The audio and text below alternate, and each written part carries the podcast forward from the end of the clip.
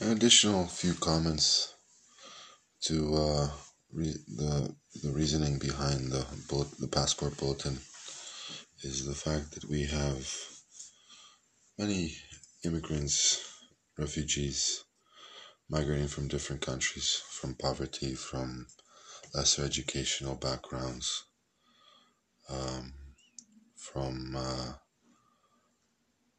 different circumstances that affect us all. And uh, just to keep it a safe and productive economy place in each and every city across the world.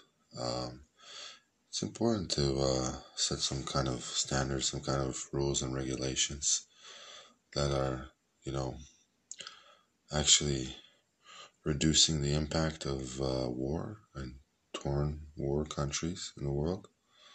Um, it's, impos- it's important as parents or as leaders of the family to to kind of uh, step up and, and, and show that that that is very much needed in the world today.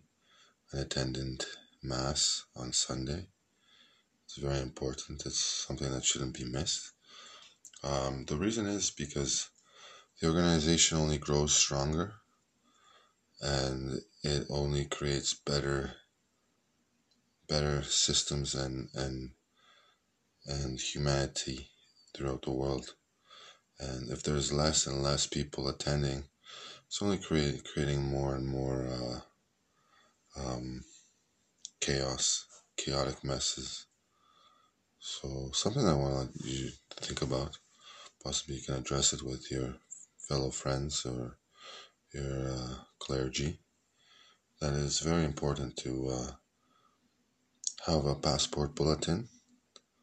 That you know the flight attendant or uh, border control you know, can just verify and say, we had mass this past weekend. Why are you crossing? What's the reason for your pursuit? Oh, you're atheist? So you you you just avoid all of the circumstances in the world today?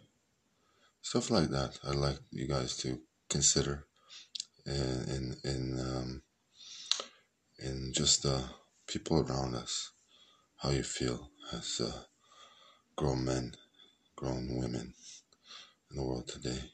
Think about it. How it reflects the children going to kindergarten and singing all those beautiful choir songs across the globe.